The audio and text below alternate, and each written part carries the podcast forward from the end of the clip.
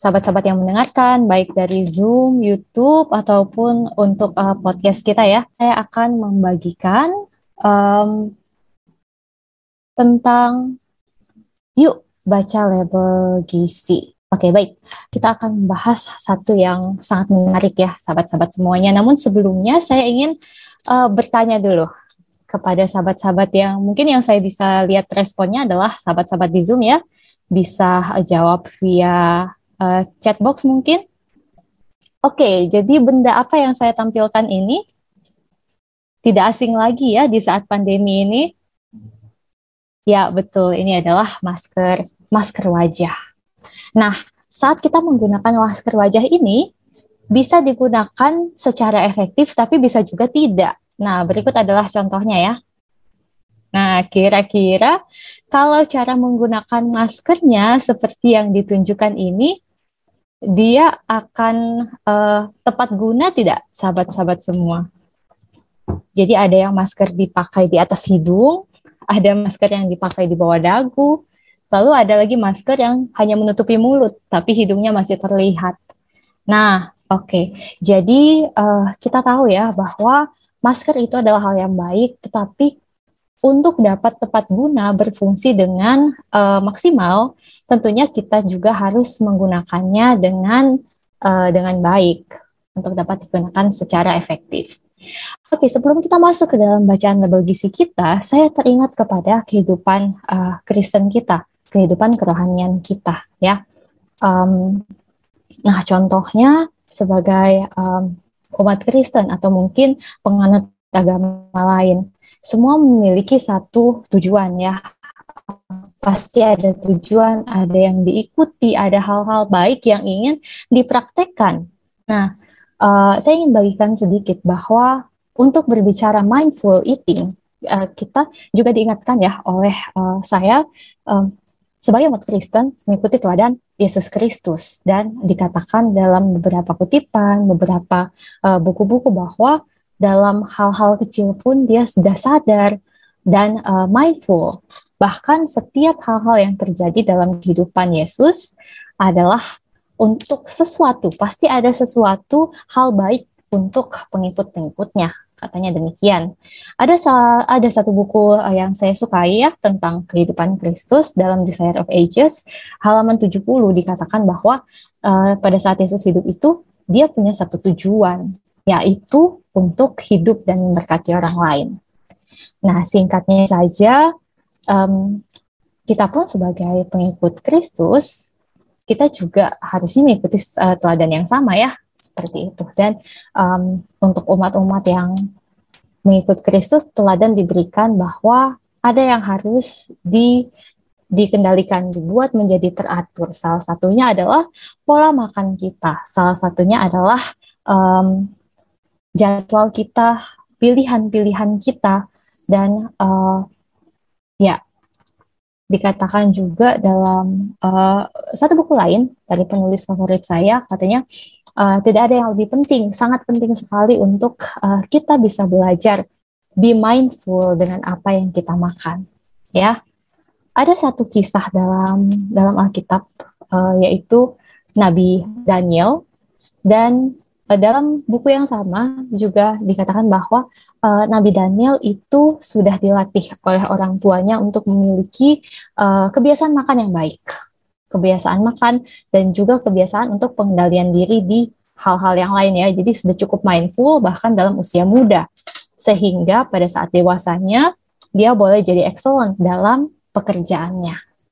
Nah, mengapa saya katakan seperti ini? Untuk mengawali mari baca label makanan. Nah, karena kita tahu bahwa bukan hal yang mudah untuk uh, kita mungkin bisa tahu ya secara pikiran, tetapi untuk ambil keputusan-keputusan yang yang baik, untuk ambil keputusan yang benar, kadang-kadang wah kita masih suka ikut hal-hal yang lain selain yang dipikirkan.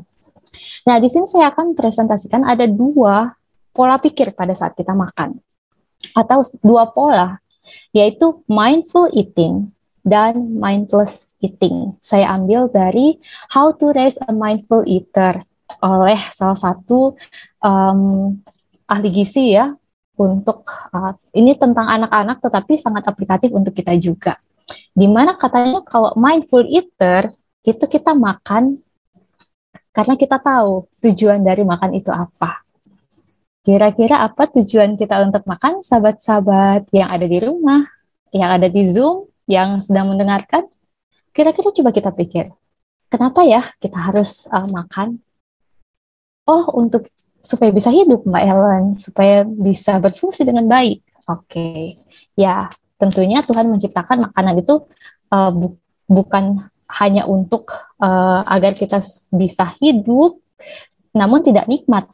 Tapi Tuhan juga ciptakan makanan itu berbagai macam ya, warnanya, bentuknya, rasanya, dan juga seharusnya bisa dinikmati. Jadi uh, untuk keberlangsungan hidup, tapi harusnya bisa enjoyable juga. Nah, saat kita mindful eating atau makan dengan berpikir, jadi makanan kita itu dipandu oleh kebutuhan dari dalam tubuh. Oke, okay? Saya butuh apa? Oh, saya butuh untuk bertumbuh, bertumbuh bertambah tinggi. Oh, saya butuh protein. Saya butuh untuk berpikir, untuk bertenaga. Oh, saya butuh karbohidrat. Oh, saya butuh untuk supaya saya tidak sakit-sakitan, imunitas saya tinggi, saya butuh vitamin dan mineral. Jadi uh, kita makan dipandu oleh kebutuhan dalam tubuh, ya. Nah, selain itu, mindful eating berarti makan dengan alasan kebutuhan ya. Kalau kita makan dengan alasan kebutuhan, pastinya nanti porsi makan kita, jumlah makan kita akan dalam moderasi atau jumlah yang secukupnya. Dan juga jenis-jenisnya nih seimbang, tidak berat sebelah, tidak uh, terlalu tinggi gula, rendah serat, tapi semuanya akan sepadan. Nah, gantinya kalau mindfulness eating ini adalah makan tanpa Sebaliknya ya, kalau mindful artinya pikirannya penuh. Kalau mindless artinya makan kurang dipikir-pikir. Nah, ayo.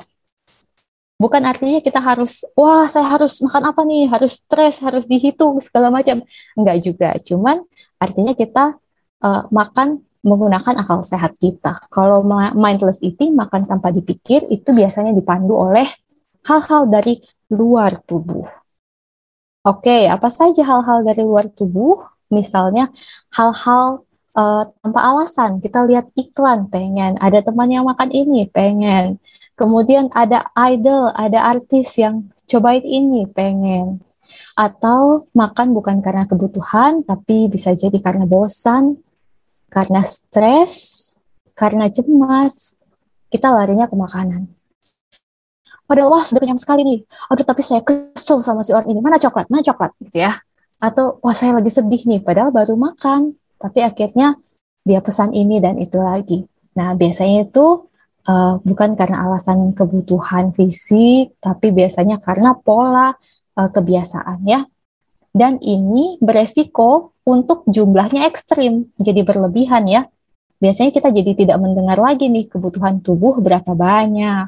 Akhirnya jadi tidak seimbang, ya. Oke.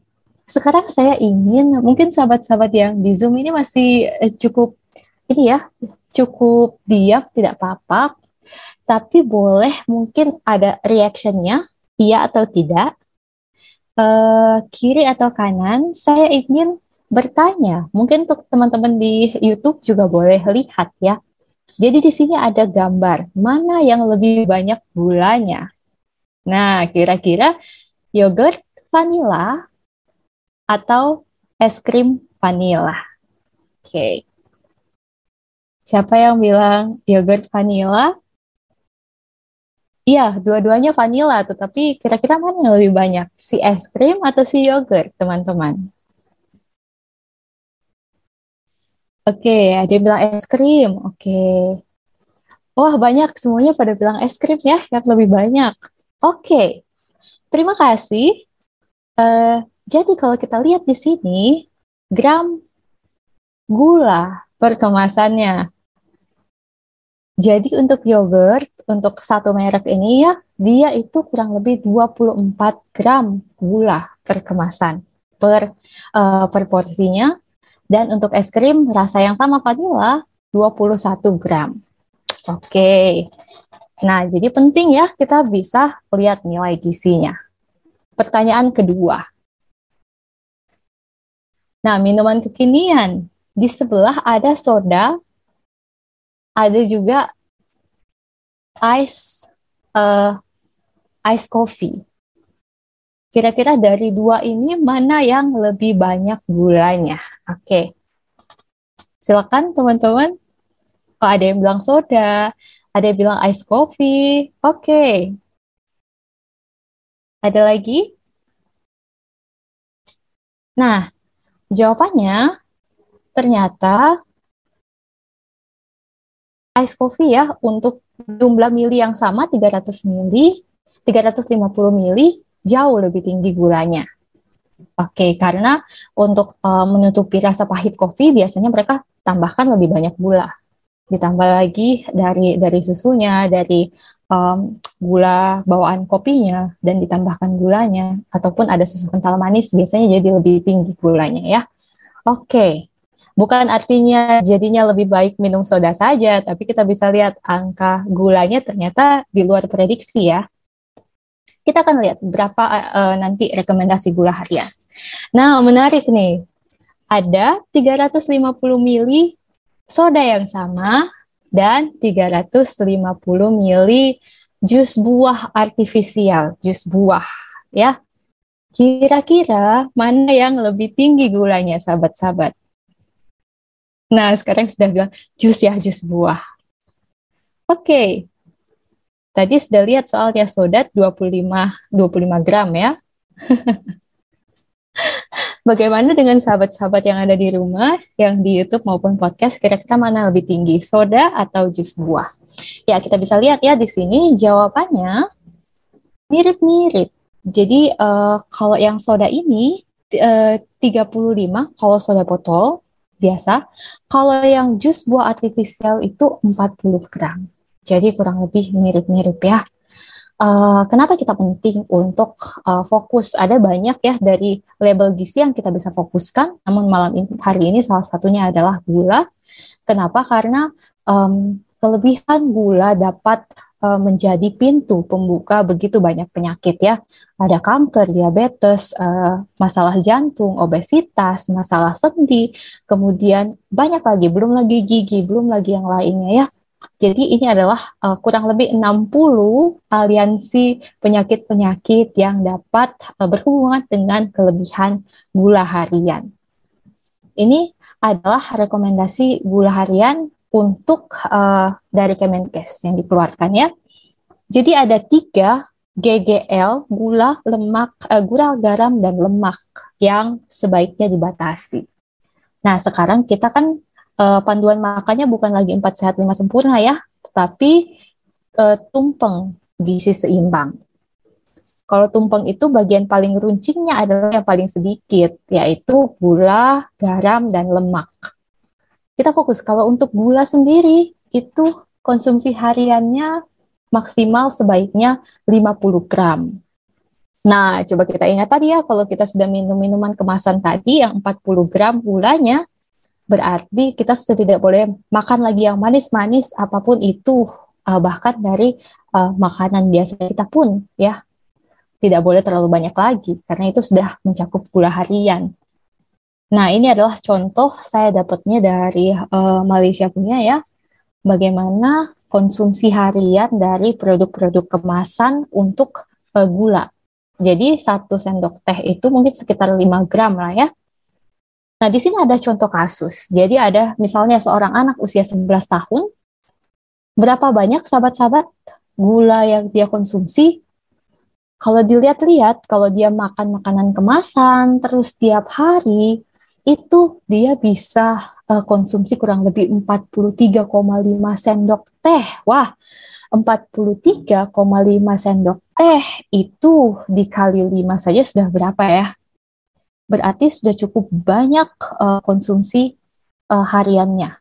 43,5 dikali taruhlah 5 gram berarti dia sudah uh, konsumsi kurang lebih seperempat kilo seperempat kilo gula dalam sehari apa saja di sini. Kalau dia makan paginya susu coklat, tambah susu kental manis, ditambah sereal komersil. Nah, kemudian makan siangnya dia mungkin makan satu cake, lalu minum jus anggur, lalu makan satu wafer, kemudian makan siangnya dia makan minum satu kaleng, minuman kaleng, kemudian jelly buah, lima butir, kemudian ada lagi biasanya break time, tea time, waktu siang menuju sore ya, dia minum lagi satu susu coklat kemasan, makan satu kue, dan makan malam, ah dia cuma mau minum jus aja, dan makan jelly buah lagi. Oke, terus terakhir sebelum tidur dia minum susu kemasan lagi. Jadi total-total 43,5 sendok teh. 217,5 gram yang mana uh, Kemenkes katakan maksimal 50 gram satu hari. Jadi sangat tinggi ya. Nah, itu adalah uh, rekomendasi dari Kemenkes. Oke, okay. kalau rekomendasi dari American Heart Association atau Asosiasi Jantung Amerika ini supaya kita uh, mengurangi kurang resiko serangan jantung dan penyakit jantung lainnya. Katanya kalau untuk pria sebaiknya tidak lebih dari 2, eh, 38 gram gula harian atau kurang lebih 9 sendok teh. Untuk wanita tidak lebih dari 25 uh, gram. Untuk anak-anak di bawah 18 tahun juga sama tidak lebih dari 25 gram. Itu anjuran supaya uh, kita terhindar dari resiko penyakit jantung dan lain-lain. Oke, sekarang kita masuk ke dalam satu pertanyaan. Benar atau salah ya? Teman-teman boleh uh, lanjut juga di chat. Nomor satu, AKG adalah angka kecukupan gula. Benar atau salah? Bisa ketik benar atau salah atau bisa mungkin uh, jempolnya atas atau bawah. AKG angka kecukupan gula benar atau salah? Oke, di sini teman-teman Zoom ada dua ya yang sudah respon. Bagaimana sahabat-sahabat yang lain? Tiga, dua, satu, oke. Kita kunci jawabannya. Kemudian pertanyaan kedua, jika kita makan satu bungkus keripik kentang, yang informasi nilai gizinya ada di sini, maka kalori yang kita makan adalah 110. Nah, untuk teman-teman yang YouTube ya, kira-kira uh, dan teman-teman di Zoom, benar atau salah? Kalau kita makan satu keripik kentang ini sebungkus, kalori yang kita konsumsi 110. Nomor dua. Oke, terima kasih sudah ada yang respon. Yang lain lagi? Kelihatan kah? Semoga bisa terlihat ya. Boleh di zoom sedikit supaya kelihatan angkanya. Oke, ada yang jawab benar, ada yang salah. Beda dengan nomor satu tadi ya, jawabannya seragam. Oke, menarik. Kita akan lihat sama-sama ya. Oke, jadi um, yang pertama kita bahas dulu tentang apa itu uh, label gizi, informasi nilai gizi itu sebenarnya apa sih? Kenapa itu penting? Jadi informasi nilai gizi kita bisa lihat ya, yang kayak tadi teman-teman baca di pertanyaan nomor 2, itu informasi lengkap, isinya kandungan gizi dan juga uh, kandung isi dan kandungan nutrisi.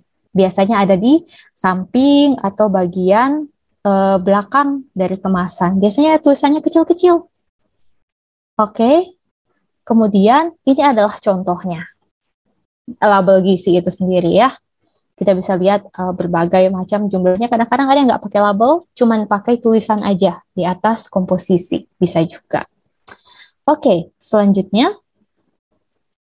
Nah, saya ingin tanya nih, sahabat-sahabat yang di rumah ataupun di Zoom ataupun di YouTube, biasanya kalau lihat makanan, itu apa yang, uh, kalau beli makanan, apa yang pertama kali diperhatikan?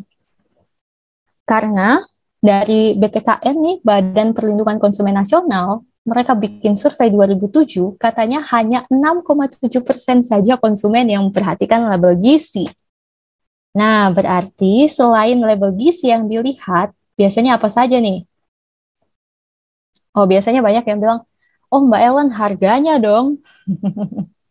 Atau tanggal-tanggal kadaluarsanya atau uh, ya betul kan ada yang bilang tanggal kadaluarsa biasanya yang pertama kali dilihat selain harga ya atau saya lihat rasanya gitu ya. Oke. Jadi semoga sahabat-sahabat yang budiman juga adalah 6,7% yang juga memperhatikan label gizi saat memberi produk. Kenapa ini penting? Yang pertama, pastinya label gizi ini kan kita bisa membantu untuk mempertimbangkan kalau misalnya kita mau beli uh, dua produk yang jenisnya sama, mana yang lebih baik. Ya, jadi sebagai uh, konsumen kita perlu tahu kira-kira apa yang ada di dalam makanan yang kita mau makan. Kenapa itu penting? Karena ya tadi tujuan dari mindful eating itu adalah kita makan untuk kebutuhan tubuh kita ya. Nah, ini apalagi untuk mereka yang punya kondisi medis tertentu. Nah, siapa di sini yang mungkin punya uh, riwayat hipertensi atau mungkin keluarganya ada riwayat hipertensi. Jadi mungkin harus membatasi natrium, sodium atau garam. Kemudian sahabat-sahabat yang punya masalah diabetes itu mesti membatasi kadar gulanya. Lemaknya juga harus diperhatikan ya, bukan cuma gula saja saat ini. Kemudian kalau misalnya dalam rangka mau diet nih atau eh, manajemen eh, berat badan, berarti kita mesti cek kalorinya juga ya, selain dari lemak dan gula wah Mbak Ellen saya nggak punya masalah apa-apa nih, saya sehat-sehat aja, saya nggak ada diabetes, nggak ada uh, masalah darah tinggi. Nah, penting juga untuk tetap pilih mana pilihan yang lebih sehat untuk kita ya. Untuk menghindari penyakit-penyakit degeneratif, uh, penyakit-penyakit tidak menular lainnya. Oke, Selanjutnya, jadi ada satu jurnal dari American Diet Association dikatakan bahwa mereka yang rajin baca label gizi itu cenderung lebih sehat. Ini jurnal tahun 2019. Jadi uh, ada pengaruh yang penting loh sahabat-sahabat sehat. Pastinya semua-semua yang hadir di sini mau supaya lebih sehat kan, makanya hadir di sini. Makanya penting untuk membaca label gizi. Oke, ini adalah uh, informasi label gizi dan saat kita masuk ke label gizi ada kurang lebih lima hal yang harus diperhatikan ya. Yang pertama adalah takal, takaran sajinya ini yang sangat penting. Baru selanjutnya di bawah-bawahnya energinya, kandungan zat gizi dan lain-lain. Kita coba satu persatu. Oke, waktu kita buka nih, seret kita baca. Oh, label gizi yang di kotak Pernah nggak sahabat-sahabat di rumah lihat ada dua, ada serving size atau takaran saji, ada jumlah sajian per kemasan. Nah, apa bedanya? Kalau takaran saji itu biasanya adalah rekomendasi makan, rekomendasi yang uh, makan sekali makannya porsinya berapa, uh, sebaiknya berapa. Contohnya, di sini takaran sajinya, jadi ini ada uh, biskuit, ada mungkin satu, uh, ya satu kemasan biskuit ya. Takaran sajinya adalah 2,5 gram. Eh, satu saset 2,5 gram. Oh, ini berarti makanan sasetan. Tetapi jumlah sajian per kemasan adalah dalam satu uh, dalam satu box, dalam satu kemasan itu kira-kira ada berapa porsi di dalamnya. Ini katanya ada 25 porsi di dalam satu box itu. Jadi ada 25 uh, saset mungkin yang jumlah takaran saji atau porsi yang sebaiknya dikonsumsi satu kali makan, porsi wajarnya hanya satu saset saja. Nah, selanjutnya ini ada uh, misalnya satu kotak kue, kue bolu. Nah, jadi isi kotak kue bolu itu ada enam potong. Oleh uh, jumlah sajian perkemasannya ada enam. Tapi rekomendasi sekali makannya itu cuman takaran sajinya cuman berapa? Satu potong doang, 20 gram. Oh, saya mau lihat dong. Nanti berarti isi yang ada di dalamnya ini untuk isi satu potong kue saja. Kalau sahabat-sahabat di rumah menghabiskan satu kotak kue yang isinya enam potong, berarti semua yang di dalam sini harus dikalikan dengan enam, ya, dilipat gandakan dengan enam. Nah ini kadang-kadang yang jadi tricky. Kadang-kadang kita pikir kita oh cuman sedikit kok porsinya karena uh, ini cuman 89 kalori. Tapi saya makan 6 potong dalam satu kemasan.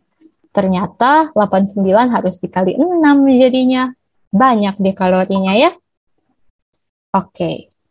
Kemudian yang kedua yang kita harus perhatikan adalah kalorinya tadi ya. Jadi secara sederhana, kalau dia sudah 400 kalori ke atas, dia sudah menjadi makanan pokok. Ya, dia kalorinya sudah jadi tinggi. Tidak cocok lagi menjadi cemilan ya. Kalau satu takaran uh, sajinya sudah 400 kalori. Nah, kalau yang 100 kalori itu artinya masih sedang.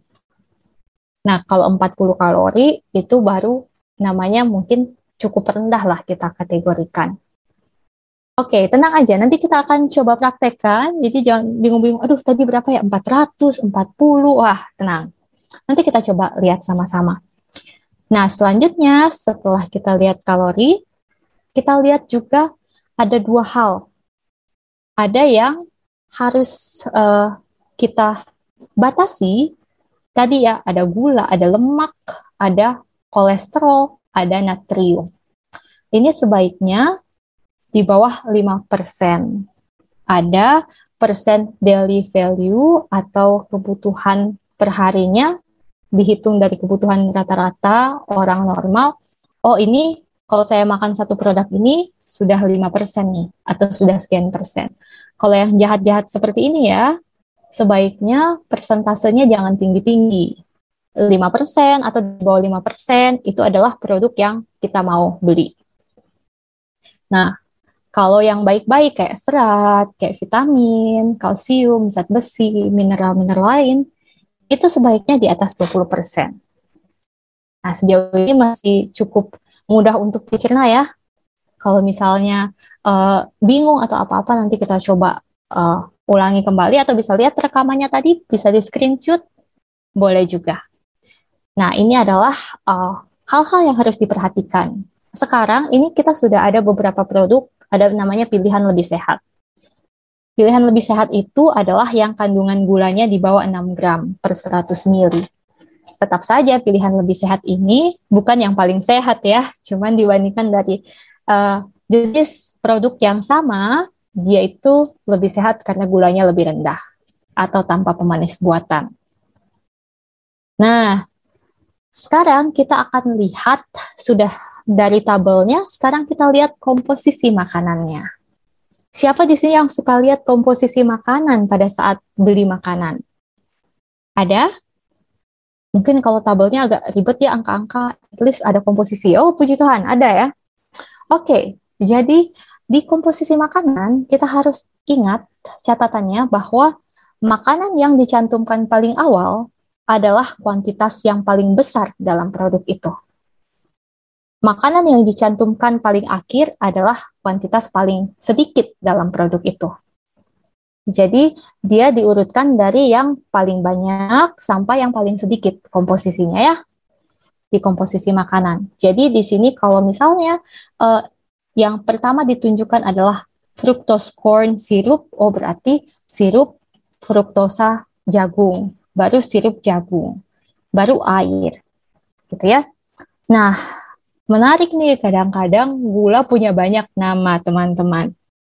Gula sirup itu adalah gula, molasses adalah gula, sugar adalah gula, kemudian maltodextrin juga gula. Jadi kalau sahabat-sahabat coba lihat di sini tadi, high fructose corn syrup.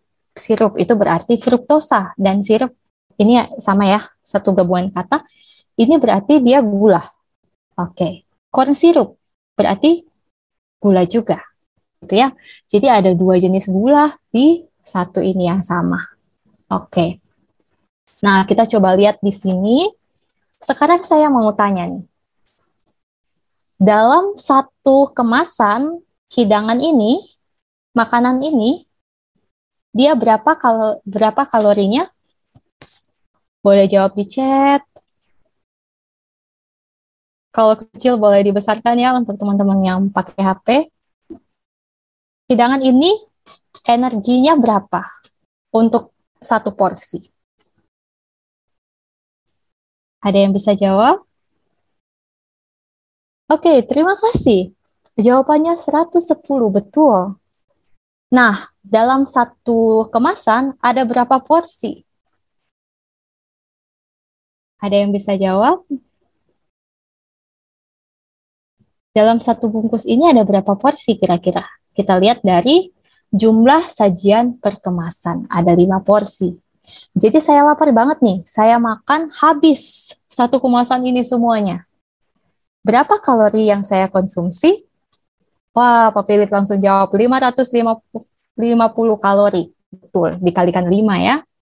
Nah, di sini juga uh, kalau kita bisa lihat bukan pilihan terbaik karena lemaknya cukup banyak yaitu lemak jenuhnya di atas 20%, sebaiknya di bawah 5%. Tapi masih bisa dikonsumsi, sesekali masih bisa kita bisa pilih dengan um, makanan lain yang ada label makanannya. Nah, sekarang ini kira-kira kalau saya habiskan satu, oh, tunggu, ini dalam satu kemasan ada berapa porsi? Atau jumlah sajian perkemasannya. Oke, maaf kecil-kecil ya semuanya. Biasanya begitu memang di produk makanan kita. 4,5. Terima kasih. Betul sekali. Jadi, satu bungkus ini ada 4,5 porsi. Katanya dari perusahaan ini menganjurkan makanan yang wajar itu per kali makannya kira-kira berapa satu porsinya yang warna kuning ini tiga sandwich atau tiga buah ya. Kalau orang Manado bilang baku tutu, tiga baku tutu. Jadi tiga tiga buah uh, biskuit ini adalah takaran saji atau porsi yang dianjurkan sekali makan. Berarti kalau kita sudah habiskan semuanya ini, kalori yang kita habiskan berapa? 140 dikali 4,5 dong, Mbak Ellen. Iya, betul. 140 kali 4,5 jadi sudah 630 kalau kita habiskan satu bungkus ini. Sementara anjurannya hanya tiga keping saja per kali makan. Nah, sekarang ini ya. Jadi, dalam satu bungkus ini ada berapa porsi teman-teman semuanya?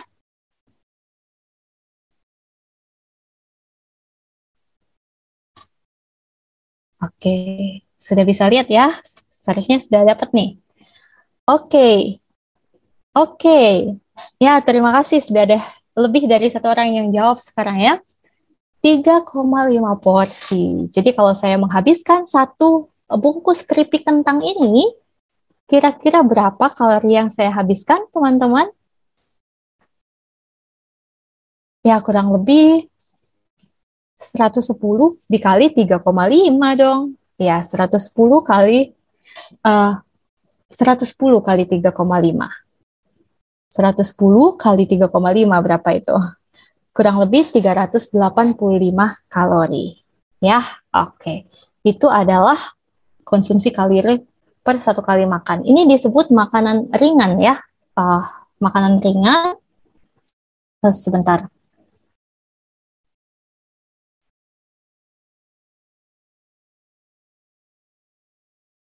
Oke, ini disebut makanan ringan karena biasanya tidak mengenyangkan, ya. Kita bisa makan satu porsi sudah kenyang, biasanya tidak. Oke. Nah, uh, selain itu kita bisa lihat di sini lemak totalnya 11%, kurang lebih. Jadi kita tidak mau juga terlalu banyak. Uh, natriumnya 70, 70 kali 3,5 kalau kita habiskan berarti cukup banyak juga ya. Cukup asin. Oke. Nah, kadang-kadang ada yang cukup kecil ya dia uh, produknya sudah kecil terus uh, nilai gizinya juga kecil kadang-kadang tidak bisa terlihat.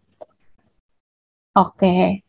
nah ada contohnya satu orang um, tante saya mau diet. Saya tidak mau makan nasi Ellen. Saya makannya ini aja makanan ringan. Ya. Kalau nasi satu mangkoknya itu kurang lebih 170 kalori.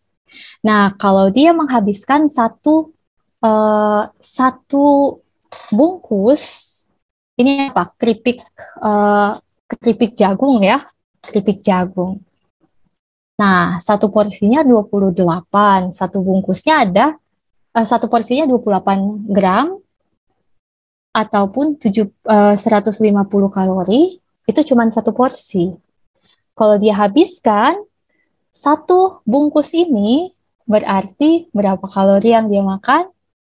150 dikali 6 porsi. Dia sudah makan 900 kalori. Padahal kalau dia cuma makan nasi, lauk, sayur mungkin tidak sampai 400, tidak sampai 500 kalori. Jadi kenapa dietnya gagal? Ya karena ternyata salah atau kurang tahu memilih makanan.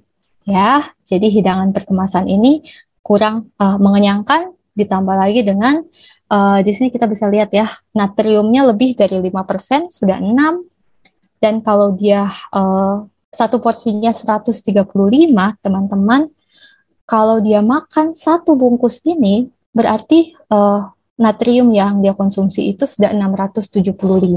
Itu sudah cukup tinggi ya.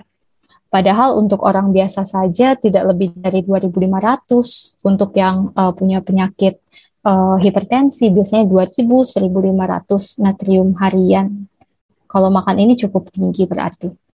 Nah, ini adalah contoh makanan lain juga kita bisa lihat uh, ini gulanya tadi 3 gram ya. 3 gram, satu kontainer isinya 10. Jadi kalau dia habiskan semuanya, gula yang dia konsumsi sudah 30 gram. Lewat tidak dari rekomendasi yang uh, American Heart Association tadi katakan. Untuk wanita dan anak-anak iya ya, untuk pria tidak. Nah, ini juga. Ini uh, total kalorinya 340 padahal cukup kecil ya. Dan uh, lemak jenuhnya cukup tinggi 35%, seharusnya di bawah 5%. Dan gulanya cukup tinggi 20 gram. Oke. Okay. Nah, kita bisa lihat di sini yang paling tinggi adalah gula. Yang kedua uh, lain lain. Ya, oke. Okay. Jadi yang pertama adalah uh, temu gandum, baru gula, baru yang paling sedikit adalah papain ini. Nah, mungkin ada yang kenal ya. Hidangan ini nih. Biasanya kalau malam minggu belum ada makanan, kita biasanya konsumsi ini nggak cuma satu, biasanya dua bungkus baru baru kenyang ya. Coba lihat. Untuk uh, kalorinya, mana dia? Oke, okay. Uh, untuk satu bungkus ini adalah satu porsi, kalorinya 460 sudah cukup tinggi ya. Bayangkan kalau sahabat-sahabat makan dua, dua bungkus mie instan ini, berarti kalori yang dikonsumsi sudah berapa? 920. Wah, tinggi sekali itu sudah setengah konsumsi kalori harian. Atau kadang-kadang kita makannya ini pakai nasi lagi ya, udah mie instan pakai nasi.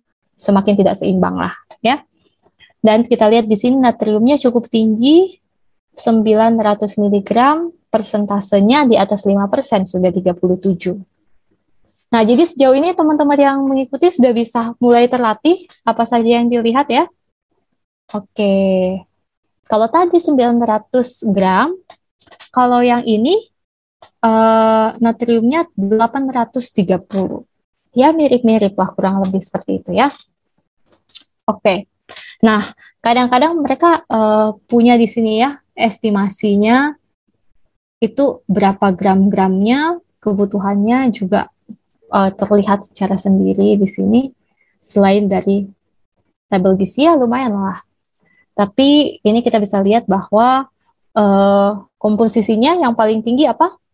Berarti yang paling tinggi gula, baru kacang tanah. Ini adalah uh, coklat bar ya baru sirup glukosa itu gula lagi. Kemudian lemak coklat, coklat masa, laktosa, garam pengemulsi, putih telur, dan perasa vanila. Makanya kita bisa lihat di sini lemak jenuhnya 11%, lumayan tinggi juga ya. Oke. Okay. Selanjutnya, nah kenapa kita penting untuk melihat ini? Karena ada beberapa produk yang mereka sudah cantumkan. Kalau teman-teman bisa lihat, di uh, yang dibulatkan merah itu dikatakan bahwa mengandung pemanis buatan disarankan tidak dikonsumsi oleh anak di bawah 5 tahun ibu hamil dan ibu menyusui. Nah, berapa banyak ibu-ibu yang memberikan ini untuk anaknya yang di bawah 5 tahun. Kemudian kalau ada masalah kesehatan, uh, kita nggak bisa tuntut pabriknya karena pabriknya sudah amarkan. Lah, sebagai konsumen kita baca atau tidak. Berarti kembali lagi ke ke kita. Itulah perannya kita untuk membaca uh, nilai gizi ini ya. Oke, jadi uh, kesimpulan yang dapat kita berikan, marilah kita coba cari uh, mulai kita scan dari atas sampai bawah dari takaran saji, jumlah persajian, kalori, kemudian yang harus dibatasi yang warna kuning ini sebaiknya di bawah 5%, kemudian uh, yang harus ditingkatkan ini sebaiknya di atas 20%. Ya, jadi cari yang rendah kalori, nutrisi baik di atas 20%, yang kurang baik di bawah 5%. Nah, memang umumnya uh, dan secara garis besar semua makanan kemasan uh, olahan itu biasanya kandungan gizinya lebih rendah dibandingkan makanan segar.